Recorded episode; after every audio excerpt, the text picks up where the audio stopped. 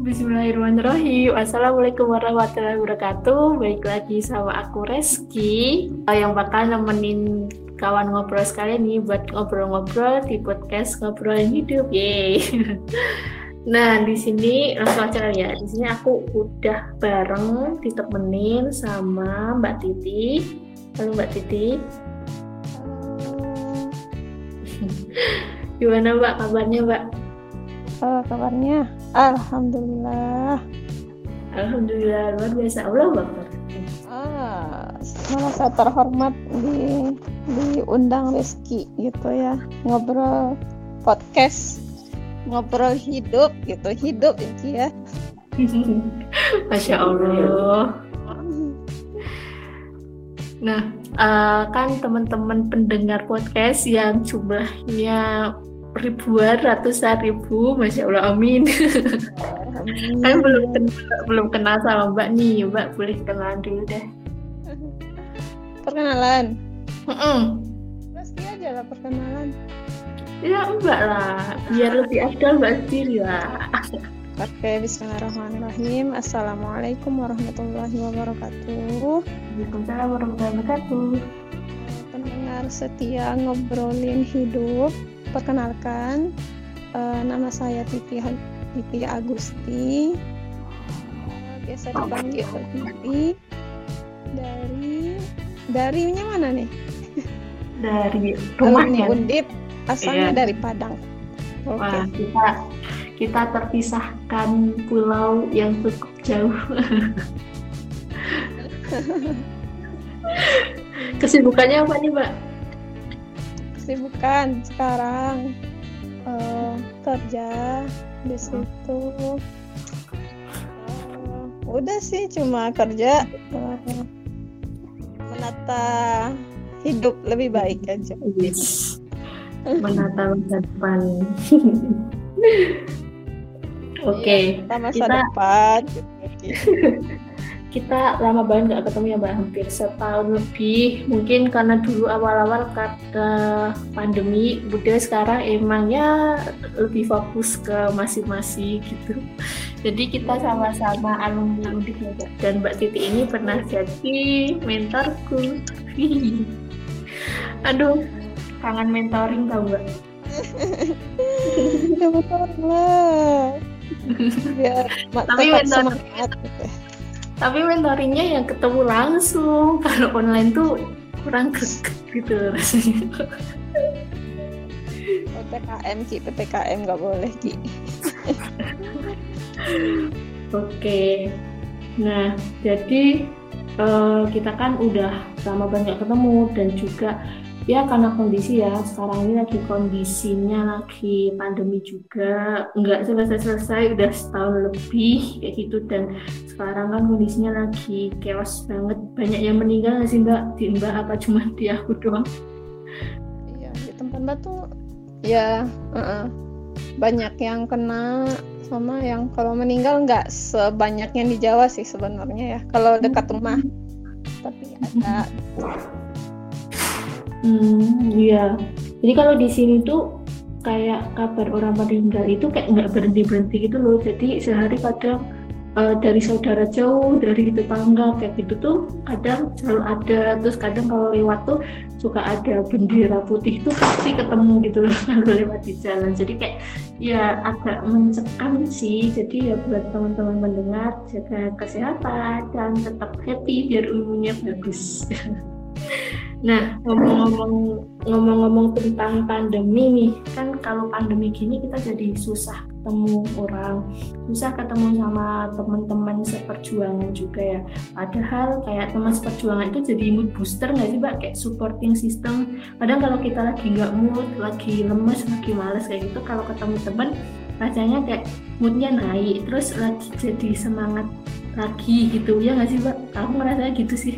Ya benar banget kalau apa ya giroh atau wah ketemu teman tuh lebih berasa sebenarnya ya kalau kita ketemu langsung dibandingkan via zoom via gmail via hmm. wa gitu kan.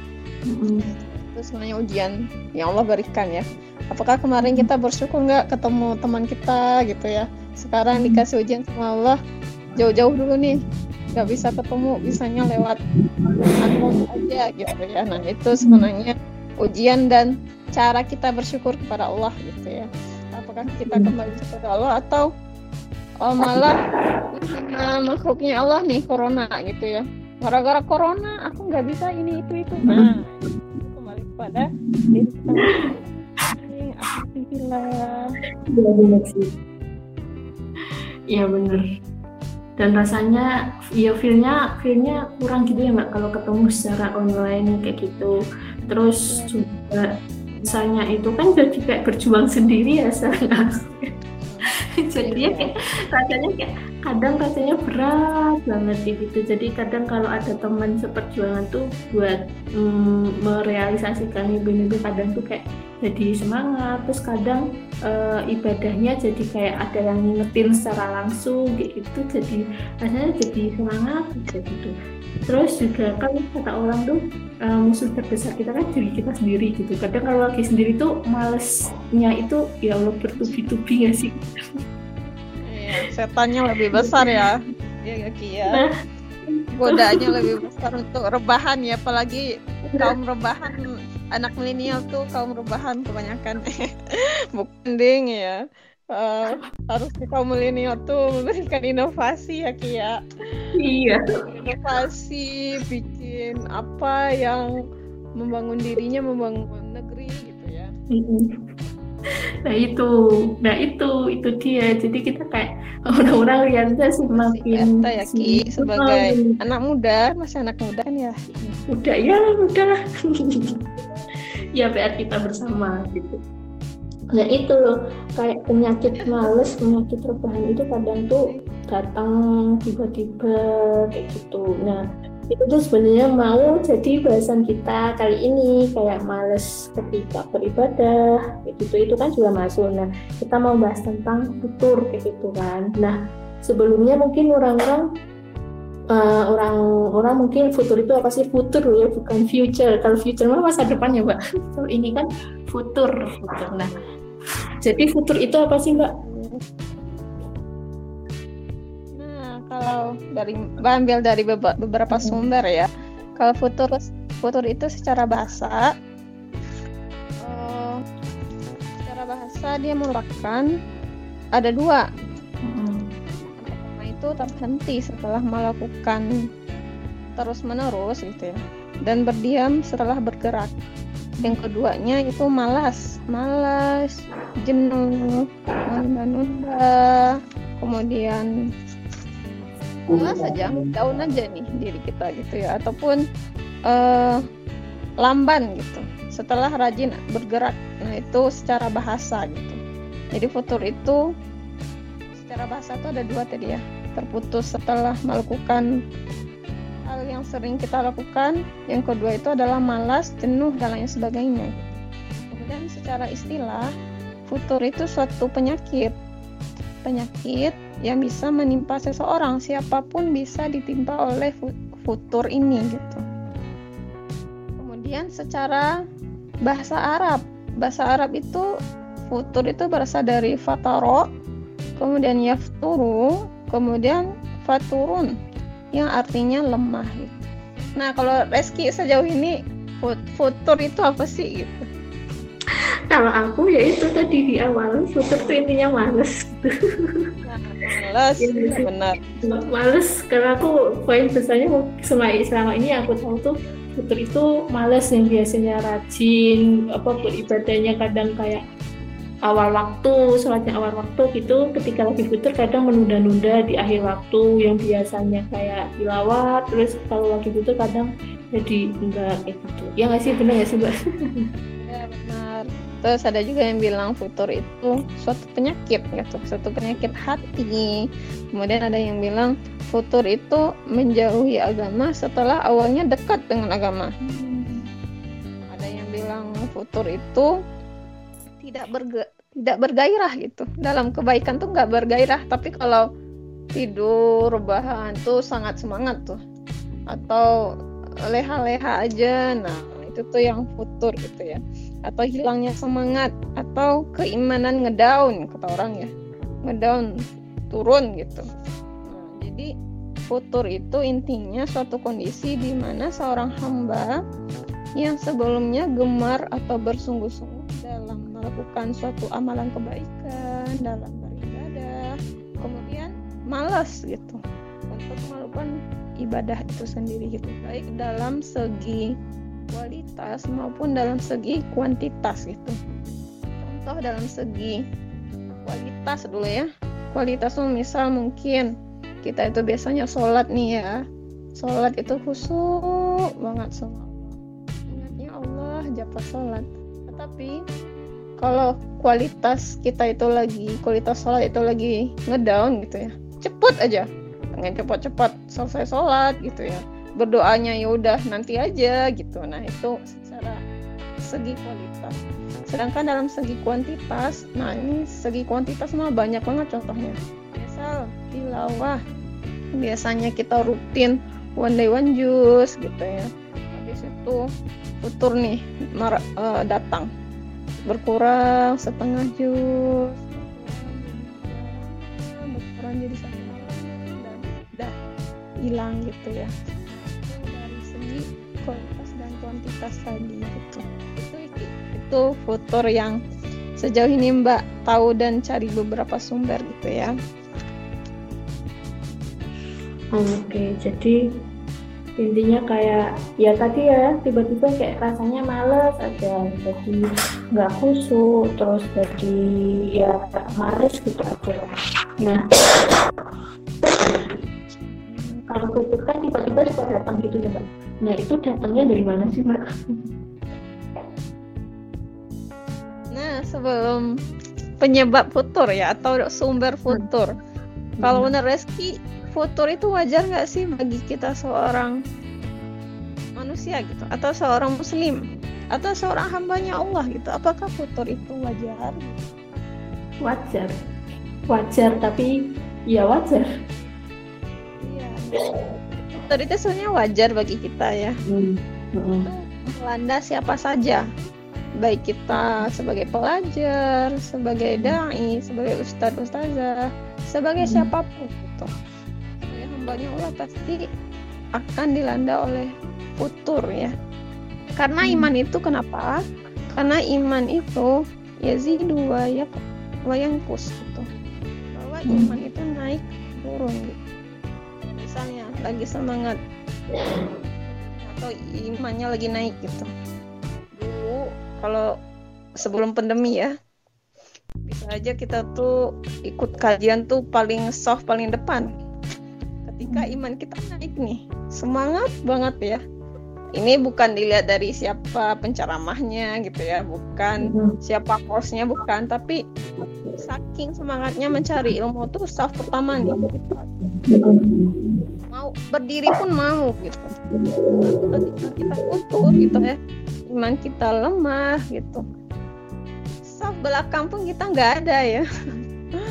Kadang nongkrong di kafe gitu ya. Kadang nongkrong di mana-mana. Nah itu, itu yang membedakan bahwa iman itu naik turun gitu ya. Jadi dua yang kemudian iman itu naik ketika ketakwaan kita gitu ya. Ketakwaan kita kepada Allah bertambah gitu. Dan iman itu turun ketika kita melakukan maksiat atau dosa gitu. Misal ya awalnya mungkin kita ikut kajian misalnya ke kajian tuh kan lagi naik nih semangat atau keimanan kita gitu. Tiba-tiba pas pulang nah lihat inilah dengar inilah ketemu dulu sama mak-mak gitu ya. Ketemu dulu sama teman cerita ini cerita itu. Nah turun lagi deh. Turun lagi dosa lagi maksiat lagi gitu. Lagi perempuan ya. Sering rumpi gitu ya. Nah, gibah. Nah gibah. Melemahkan iman kita gitu. Padahal kan baru diisi gitu ya. Malah habis lagi gitu. Nah ada sebuah ucapan gitu ya. Orang yang fakih atau paham dalam menjaga imannya maka ia tahu imannya itu sedang naikkah sedang turunkah gitu. Jadi orang yang fakih atau orang yang paham itu terkait dalam menjaga keimanannya dia pasti oh kalau nonton ini nih iman aku gak kuat nih. Udahlah nggak usah nonton. Nah dia dia tahu menjaga keimanannya. Atau eh, ketika dengar ini nih eh, ketika dengar ini insya Allah aku akan selalu ingat Allah. Atau mendengar murotal gitu kan. Ya selalu ingat Allah. Atau yang lainnya gitu. Jadi orang yang fakih atau orang yang paham itu dalam menjaga keimanannya dia tahu gitu kapan dia putur kapan dia lagi semangat kapan dia bisa mengontrol nafsunya dan lain terus futur itu tadi wajar gitu ya. Melanda siapa saja gitu tapi jangan biarkan dia hinggap gitu. Dia hinggap di hati kita terlalu lama menghantu kita terlalu lama sehingga harus dilawan futur itu gitu. Karena sifatnya berbahaya gitu ya. Berbahaya dan kembali lagi gitu kata Reski tadi apa sih mbak penyebab futur gitu? Kenapa ya futur itu bisa muncul selain iman kita tadi yang naik turun gitu? Yang pertama tadi itu adalah dosa gitu. Dosa kita kepada Allah maksiat kita kepada Allah sehingga membuat kita iman kita itu lemah gitu. Kata Al Imam Ibnu Qayyum gitu ya maksiat itu membuat hati kita lemah gitu bermaksiat itu membuat hati kita lemah sehingga itu berat beramal kebaikan kepada Allah Subhanahu wa taala gitu.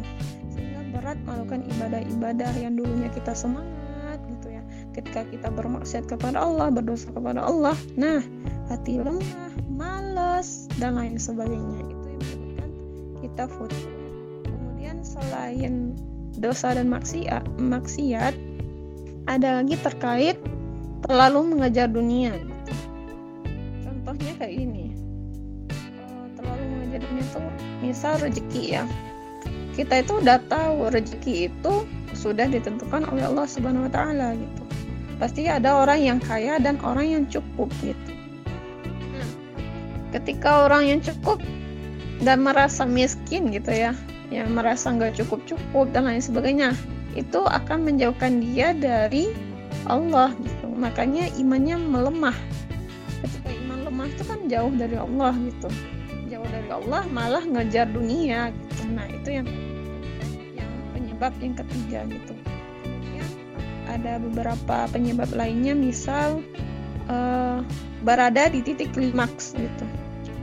So, dari titik klimaks ini berada di titik jenuh dalam kalau tanda kutip kita dalam beribadah misal ya misal kita itu target tilawah dua juz mungkin satu hari gitu ya. Dua juz satu hari kita kejar pagi itu dua juz bosan nggak ki? Jenuh nggak ki? Jenuh. Kalau belum nah, terbiasa jenuh sih. Belum terbiasa jenuh gitu ya. Apalagi dua juz mungkin misalkan satu juz aja dulu nih. Satu juz gitu ya. 10 lembar berarti. Nah kalau kalau nggak biasa pasti akan jenuh, capek gitu. Tetapi caranya gimana ketika kita jenuh atau berada di titik klimaks dalam beribadah? Memvari, memvariasikan ibadah tadi gitu. Jadi yang satu juz tadi dibagi.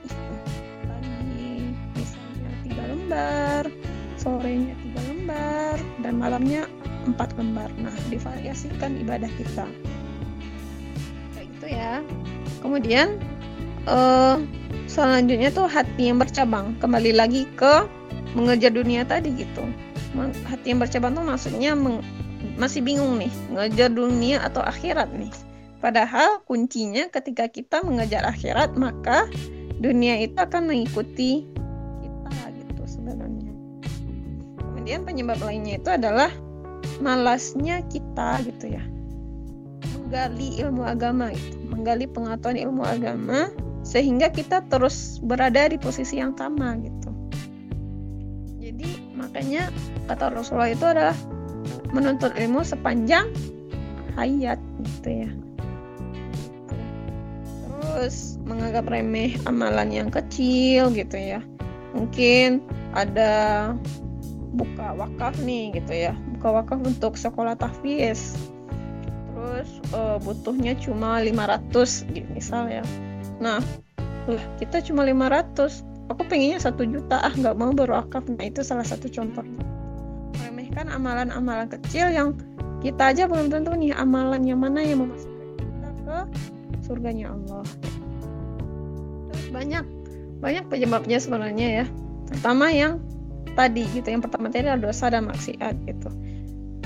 Tambah lagi mungkin pergaulan dan lingkungan itu itu bisa mempengaruhi banget ya kata Rizky tadi kalau sendiri itu mbak nggak semangat. Tapi kan kalau sama-sama itu kan terasa gitu ya bareng-bareng kita sholat jamaah bareng dan lain sebagainya itu emang karena mempengaruhi lingkungan dan dengan siapa kita bergaul kayak gitu. Misalnya ketika kita kita berhijrah gitu ya. Kita berhijrah dan insya Allah kita udah berusaha memperbaiki ibadah kita berusaha untuk melakukan kebaikan-kebaikan. Kemudian ketemu nih reunian ya. Reunian sama teman-teman gitu. Reunian sama teman-teman yang bisa dikatakan tanda kutip ada yang masih pacaran ada yang masih gini ada yang masih ini gitu. Nah, itu tergantung kita gitu. Kalau iman kita kuat ya insya Allah kita akan bertahan gitu ya. Tetapi kalau iman kita ngikut juga gitu sama mereka gitu ya lemah gitu ya udah gitu. Turun lagi kita gitu lagi gitu. Ya ternyata asik ya.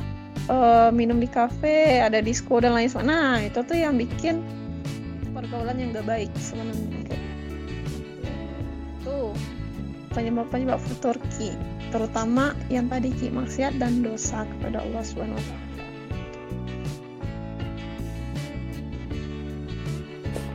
Oke oke, jadi banyak ya tadi penyebabnya dan salah satunya tadi terlalu mengejar dunia.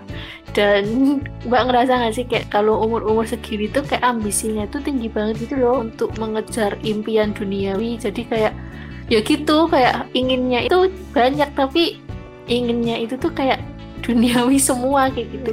Nah, dan satu lagi mm-hmm. misalnya kita udah banyak berdoa gitu ya udah sering minta sama Allah jangan pernah kecewa gitu jangan pernah kecewa dengan doa-doa kita yang belum dikabulkan oleh Allah gitu kan mm. pernah kita pernah dengar nih ketika dia uh, ada cerita gitu ya di mm. akhirat nanti gitu dia tuh kaget gitu ya ini pahala dari mana ya Allah dia bilang kayak gitu mm. pahala dari doa-doa engkau yang belum ter yang belum aku kabulkan kata Allah. Hmm. Berhenti berdoa gitu. Walaupun Allah belum kabulkan nih di di, di dunia gitu. Kan doa itu kan ada yang dikabulkan oleh Allah, ada yang digantikan oleh Allah dan Allah dan ada yang ditunda sama Allah di akhirat. Jadi, jadi bersalah diri apalagi anak muda sebenarnya harus optimis ya. Uh kita tuh banyak yang pesimis gitu. Karena mungkin udah jenuh dengan ah, aku udah melakukan ini itu gitu. Ah teman-teman udah keluar dan lain sebagainya. Nah itu sebenarnya lemah juga iman kita gitu. Nah, iman kita lemah kemudian sehingga banyak negatif-negatif nih yang keluar gitu. Ya nggak ki? Kalau kita itu lagi apa ya maksudnya dalam kondisi yang kebaik gitu ya pikirnya itu negatif aja gitu. Kadang padahal teman ngechat tem teman itu ngechat mau ngasih kabar baik ke kita malah ini ngechat mulu nih. Nah itu malah negatif aja perginya padahal hati kita yang lemah sebenarnya gitu. Kita itu dikuasai oleh syaitan gitu. ya, kembali lagi gitu semangat lagi dan yakin aja sama Allah gitu. Ini posisi baik gitu kita. Atau sekarang nih sekarang pandemi gitu ketemu sama teman-teman. Masa sama keluarga aja ketemu udah satu tahun lebih gitu. Ya nah, kalau kita bersyukur uh, ya bersyukur ya Allah terima kasih ya Allah gitu. Uh, kesempatan lama sama ibu sama adik kakak gitu kan. Nah harusnya bersyukur perbanyak membantu orang tua. Belum tentu nanti nih setelah pandemi mungkin kerja di luar negeri lah nggak ketemu tuh keluarga atau kerja di luar provinsi gitu dan lain sebagainya nah itu makanya Allah bilang itu ya bersyukur gitu ya ketika bersyukur maka Allah akan menambahkan nikmatnya Oke, siap.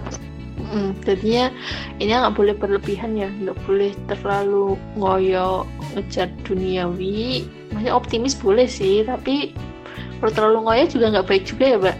Kadang lupa jadi lupa akhirat. Eh, eh, tunggu tunggu. Nggak ngejar duniawi, kejar akhirat dulu. Dunia ngikut. Benar-benar. Nah, bukan Nah, eh, nggak usah terlalu ngejar dunia bukan. Tapi kayak ngejar dunia, akhirat dulu. Dunia akan ngikut gitu.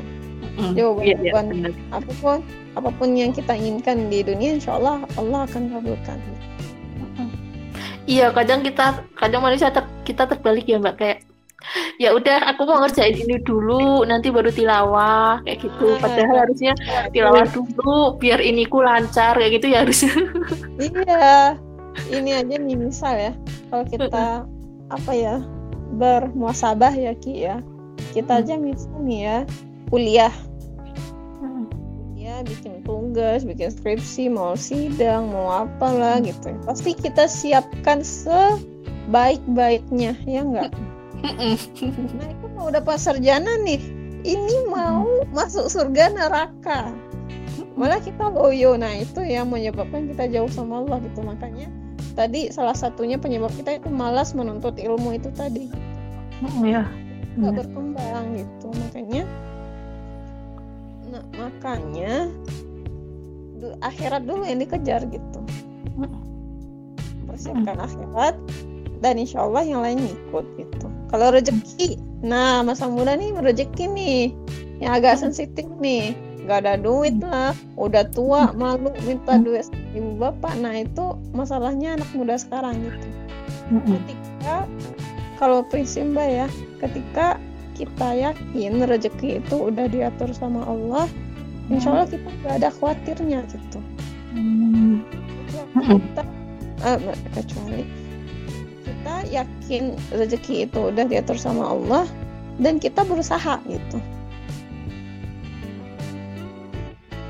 Batu selalu mengumpamakan se- eh, seekor burung ya, burung aja gitu ya. Semua burung, semua binatang apa pun itu diberi Allah rezeki gitu. Kita manusia udah ditetapkan sama Allah rezeki. Malah kita galau gitu ya tentang rezeki lah, tentang kerja lah, capek kerja lah dan lain sebagainya. Itu sih kalau Mbak ya, eh, kalau dari Mbak gitu.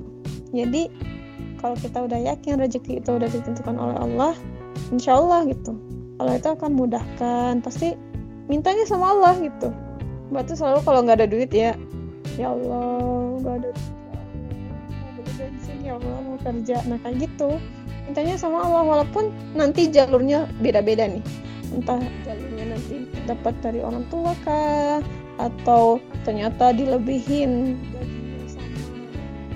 eh, tempat kerja lah atau tiba-tiba saudara kita pulang lah. Nah itu banyak kayak gitu.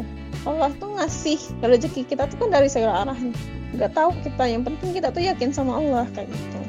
Nah itu prinsipnya terkait apa ya galau gitu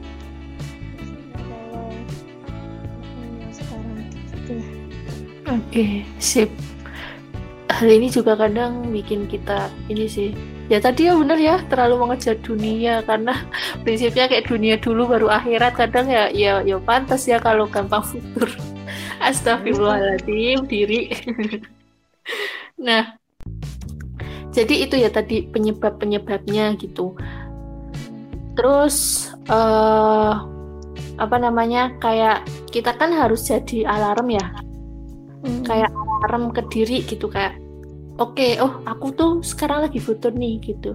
Tadi kan nggak boleh berlama-lama uh, dalam kondisi futur gitu. Jangan sampai uh, futur itu menjamur dalam diri kita kayak gitu. Nah berarti kan kita harus ada alarm nih. Ketika kita udah kayak futur kayak gitu kita harus alarm oh oke aku futur aku harus bangkit gitu gitu nah nah batas futur itu seberapa sih dan gimana cara kita kayak nge-alarm ke diri eh, mendeteksi diri intinya kayak gitu. Eh, kapan sih aku futur kayak gitu? Batas futur. Batas futur. Batas futur itu ki sampai kita itu hancur. Itu binasa sampai kita tuh menjadi korbannya setan. Nah itu batas futur. Berarti kan batasnya itu sampai kita hancur. Nah batas itu kan batas terburuknya. Nah batas ter apa ya? Terendahnya istilahnya gimana sih? Batas minimal eh apa sih? Batas rendah gitu loh buat kita bisa mendeteksi kalau kita ini lagi futur gitu. Biar kita itu benar-benar bisa bangkit gitu. Oke, sebenarnya itu dikembalikan ke diri kita masing-masing karena kita yang hmm. tahu kapan kita futur. Nah itu tadi yang Mbak bilang ya, orang yang fakih atau orang yang paham akan menjaga keimanannya, maka dia akan tahu gitu ketika dia lagi semangat gitu lagi foto dan lain sebagainya. Misal ya Ki. Misal cara mendeteksinya dari uh, tilawah tadi aja bisa kayak gitu. Yang biasanya one day one juice nah turun atau biasanya kalau terkait uh, sedekah gitu. Biasanya sedekah segini tiap Jumat malah karena lagi kesusahan gitu ya. Malah berkurang kayak gitu. Atau semangat apalagi beribadah atau sholat sunnah gitu ya. Biasanya sholat sunnahnya full gitu ya. Kurang karena mungkin capek lah banyak kegiatan. Nah itu bisa mendeteksi. Mendeteksi itu membedakan apa ya me, mengetahuinya itu ya ketika tadi gitu amalan-amalan kita yang sebelumnya itu lancar gitu ya. Habis itu turun gitu atau terputus. Terhenti lah gitu. Atau berkurang tadi. Nah itu cara kita mendeteksinya gitu. Hmm, ya sih balik ke ke definisi awal tadi ya.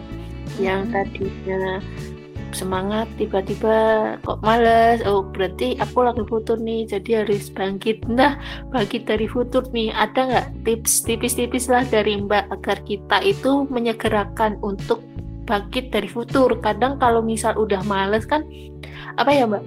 Susah nggak sih? Itu penyakit dalam diri yang kadang susah banget untuk dihilangkan. Gitu nah uh, mungkin bisa mbak kasih tips tipis-tipis gitu agar kita menyegerakan untuk bangkit dari futur ini kalau dari tips pribadi Mbak ya. Mm-hmm. Tip, eh, tips secara pribadi Mbak tuh mm. kalau Mbak lagi futur nyari teman gitu. Nyari teman, jangan sendiri pokoknya. Kalau Mbak ya. Kalau Mbak lagi futur nyari teman, pokoknya jangan sendiri, jangan pusing sendiri gitu. Kemudian Allah gitu walaupun futur itu ya terkadang kita futur itu ingatnya Allah gitu. Ingat Allah tapi masih ibadahnya lain masih loyo. Nah kayak gitu tuh. Jadi kalau Mbak ambil beberapa sumber gitu tips kita itu bangkit dari futur gitu ya. Yang pertama itu adalah berpikir gitu. Berpikir ini adalah obat mujarab yang diwasiatkan Rasulullah kepada seorang sahabat gitu ya. Di sini la yazalu lisanuka ratban min dzikrillah. Jaga lidahmu dengan berzikir kepada Allah gitu. Dengan mengingat Allah gitu. Mungkin ibadah-ibadah kita yang lain turun gitu. Mungkin tilawah kita turun, sholat kita tergesa-gesa, sholat sunnah kebaikan berkurang tetapi zikrillah kita gitu ya zikrullah kita itu jangan berhenti gitu. Kenapa gitu ya? Karena zikir ini amalan yang paling ringan gitu. Amalan yang paling ringan amalan yang paling mudah. Karena dia nggak butuh makan dulu nih nggak butuh minum jahe dulu. Kita baru bisa berzikir ya enggak dalam hati aja kita bisa mengingat Allah gitu. Ketika kita futur jangan luput kita itu berzikir kepada Allah gitu. Selalu ingat Allah walaupun ibadah kita yang lain masih down gitu. Di sini uh, diajarkan Rasulullah ya zikir yang paling utama itu adalah la ilaha illallah gitu. Baca setiap pagi sore kapan pun. Ilaha illallah. Uh, apa namanya ketika kita futur dibaca la ilaha illallah zikir kepada Allah kayak gitu. Ada juga firman Allah itu adalah fazuk fazukul fazuk fazuri kurkum itu. Ketika kita ingat Allah maka Allah pun akan ingat kepada kita gitu. Kemudian uh, selain zikir ya ada juga sebuah hadis riwayat Ahmad gitu ya hadis sahih gitu. Dari hadis itu kita bisa mengambil suatu tips ketika kita futur gitu. Di sini itu dari hadis ini uh, bacakan ya. Setiap amal itu ada siroh gitu ya. Ada masa-masa semangatnya gitu. Dan setiap masa semangatnya itu ada masa futurnya gitu atau masa gitu. nah, kemudian Rasulullah itu memberi tips gitu bagaimana cara kita saat futur gitu. Kemudian beliau bilang Siapa yang masa futurnya kepada sunnahku, dia sungguh dapat hidayah. Tapi siapa yang masa futurnya bukan kepada sunnahku, sungguh ia telah binasa. Maksudnya itu adalah ketika kita futur ya gitu. Mungkin futur dalam membaca Al-Quran gitu. Kita malas baca Al-Quran gitu ya. Yang awalnya setuju dibaca kitab-kitab yang lain gitu. Dialihkan atau dipindahkan gitu jadi uh, di hadis ini gitu ya kita itu uh, mengalihkan ke ibadah yang lain gitu. Bukan menghentikan gitu. Tetapi kita tetap dalam beribadah kepada Allah tetap melakukan kebaikan. Walaupun tidak seperti yang dulu gitu harusnya kita harus kembali lagi nih baca Al-Quran nggak baca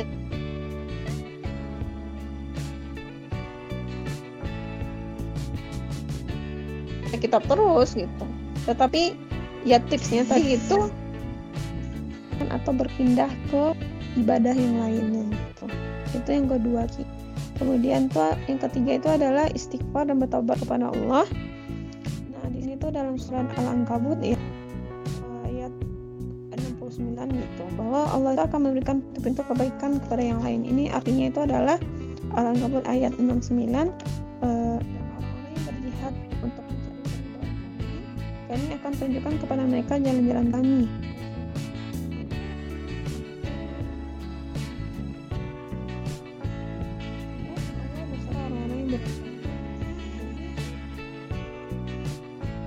Ya. ya insya Allah Allah akan membukakan pintu kebaikan-kebaikan Mbak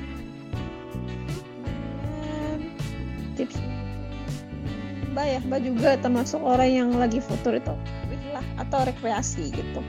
Tapi rekreasinya itu lebih ke mengingatkan kita kepada Allah kayak gitu. Mungkin rekreasi mungkin muter-muter yang lain gitu ya.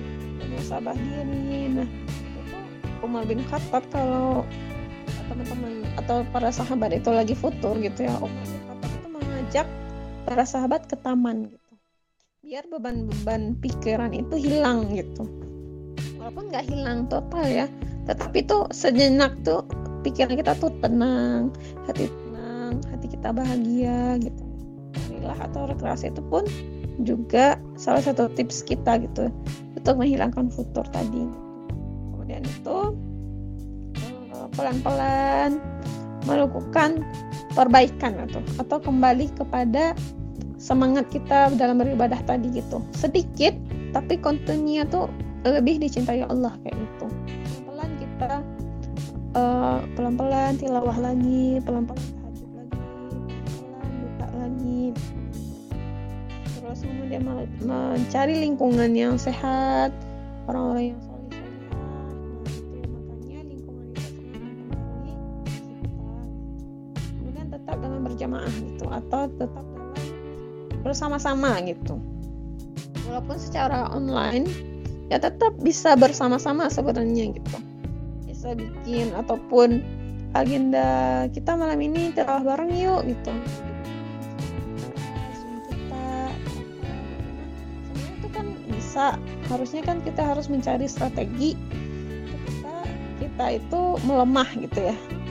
Apalagi anak muda kan banyak idenya gitu cari gimana ya biar aku uh, tilawahnya semangat gitu. Dulu pas semangat banget tilawahnya kok sekarang sendiri di rumah malah melemah gitu. Oh aku telepon bareng lah sama teman-teman. Nah itu kan bisa gitu. Kita ayo kita tilawah bareng gitu. Nah itu kan bisa. Terus ini nih terakhir Ki. Umar bin Khattab gitu ya. Berpesan gitu berpesan tentang teknik meraih kestabilan dalam kebaikan gitu nah, di sini beliau bilangnya sesungguhnya hati itu memiliki masa bersemangat gitu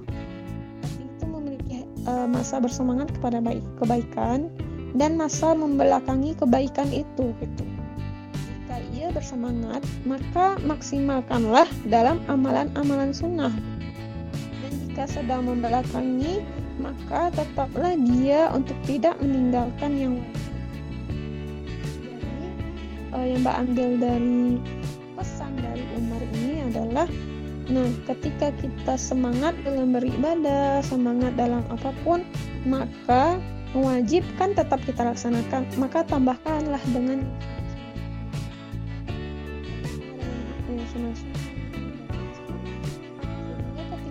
futur, yang wajibnya tetap terlaksana nih.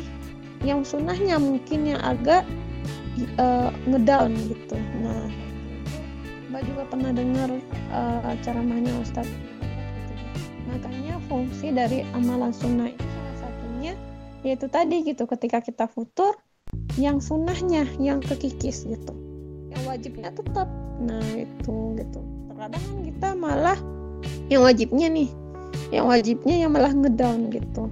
Karena ya sunnahnya kita nggak kerjakan kayak itu. Jadi ketika kita bersemangat dan lain sebagainya maka lakukanlah amalan sebanyak-banyaknya gitu. Maksimal itu dari apa ya tips-tipsnya gitu. Dan dari beberapa sumber kayak gitu. Jadi kayak kalau futur kan males gitu. Intinya beberapa intinya kayak beberapa tips tadi mungkin kalau misal ada yang bilang ah orang lagi males masa disuruh kayak gitu? Ya berarti kan awal-awal kita harus memaksakan nggak sih mbak? Kayak ya, benar. Ya kalau lagi males ya tahu. Kalau lagi males tuh pasti rasanya berat untuk memulai lagi hal kebaikan yang dulu udah rutin tapi hilang ketika kita males. Itu pasti berat awalan gitu ya. Tapi ya ya mau nggak mau kita harus memaksakan gitu. Karena biar keluar dari uh, zona futur zona futur zona futur itu sendiri. Karena kalau kita terlalu nyaman atau terlalu berlarut-larut dalam zona ini zona futur ini mungkin ya ya nanti imbasnya ke kita lagi ya nggak sih mbak? Jadi lebih susah lagi nanti buat bangkitnya. Mungkin kayak gitu ya mbak. Nah uh, terakhir kali ya mbak. Terakhir mungkin uh, closing statement kali ya mbak.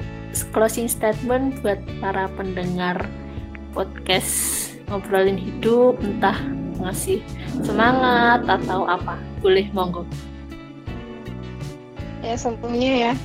Uh, kita sama-sama belajar di sini gitu ya. Kita sama-sama belajar sama-sama berbagi ilmu gitu. Dan ya pasti kalau ada baiknya monggo teman-teman amal amalkan. Kalau enggak ditinggalkan aja. Dan di sini uh, pesan untuk kita bersama ya. Karena kan futur itu melanda siapa saja gitu ya jadi nggak hanya pesan buat teman-teman tapi buat kita semua gitu ya yakinlah akan takdirnya Allah itu yakinlah akan hal-hal yang ada di hadapan kita bahwa itu yang terbaik buat kita yang diberikan oleh Allah wa taala gitu. Jadi apa pun yang terjadi hari ini, kemarin, besok, dan seterusnya gitu ya. Dan kembalikan kepada Allah SWT gitu. Uh, kembali lagi ke futur tadi, ya, berusaha untuk mencari lingkungan yang baik kayak gitu. Mencari karena sebenarnya futur itu adalah suatu hal yang membuat kita ngedown dan sebenarnya kita bisa sendiri nih yang bisa nyarinya gitu karena setiap orang beda-beda nih cara uh, futur tadi gitu. Menyembuhkan futur tadi gitu. Jadi teman-teman semangat dalam hal kebaikan. Semangat dalam uh, menata hidup untuk akhirat kayak gitu. Karena ya kita sebenarnya cuma singgah aja di dunia ya. Kata-kata yang udah sering kita dengar gitu. Uh, kita singgah di dunia padahal kita kekal di akhirat nanti kayak gitu terlalu overthinking dengan dunia gitu ya. Terlalu overthinking dengan masa depan karena masa depan dalam kutip masa depan di dunia gitu. Karena masa depan kita itu adalah di akhirat kayak gitu. Ya serahkan sama Allah apa yang terjadi di dunia ini. Dan bersungguh-sungguhlah mengejar